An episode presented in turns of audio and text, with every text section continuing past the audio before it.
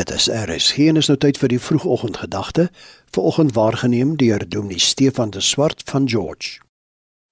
Vrede daar waar jy luister. My tema, 'n gesonde verhouding met die Vader, is in Christus moontlik. Na bewering het tot 80% van manlike gevangenes in gevangenisse nie 'n vader gehad of het geen vaderfiguur in hulle lewe gehad nie. Hoe belangrik is dit dan nie om die Vader in die hemel, die oervader figuur van alle vaders te ken, sy liefde te begryp en in te neem en in vrede sonder vrees voor hom te lewe nie. Die ou verbond met sy wetgewing voor Christus se koms het mense belas met allerlei onsekerhede oor die gunstigheid in hul Vader se hart Die Nuwe Testament verander hierdie situasie.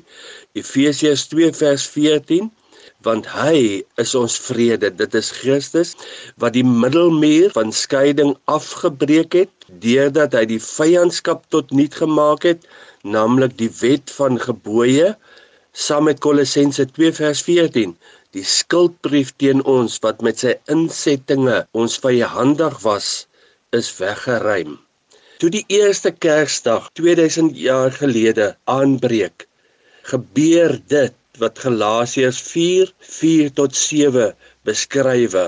Maar toe die volheid van die tyd gekom het, het God sy seun uitgestuur, gebore uit 'n vrou, gebore onder die wet, om die wat onder die wet was los te koop, sodat ons aanneming tot kinders kan ontvang. En omdat julle kinders is, het God die gees van sy seun in julle harte uitgestuur en hy roep Abba Vader. Daarom is jy nie meer dienskneg of slaaf nie, maar 'n kind. Skud dus jou slawe mentaliteit af. 'n Slaaf weet nie wat in sy heer se hart lewe of aangaan nie maar die Vader het sy hart deur sy seun oopgebreek sodat ons uit die vrede daarvan kan lewe. Galasiërs 5:31 Ons is nie meer kinders van die slavin nie, maar van die vrye. Rus in hierdie vryheid, vryheid van vrees, veroordeling, onwaardigheid en vele meer.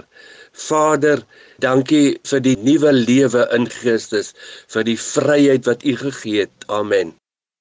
Dit was die vroegoggendgedagte hier op RSG, aangebied deur Dominee Stefan de Swart van George.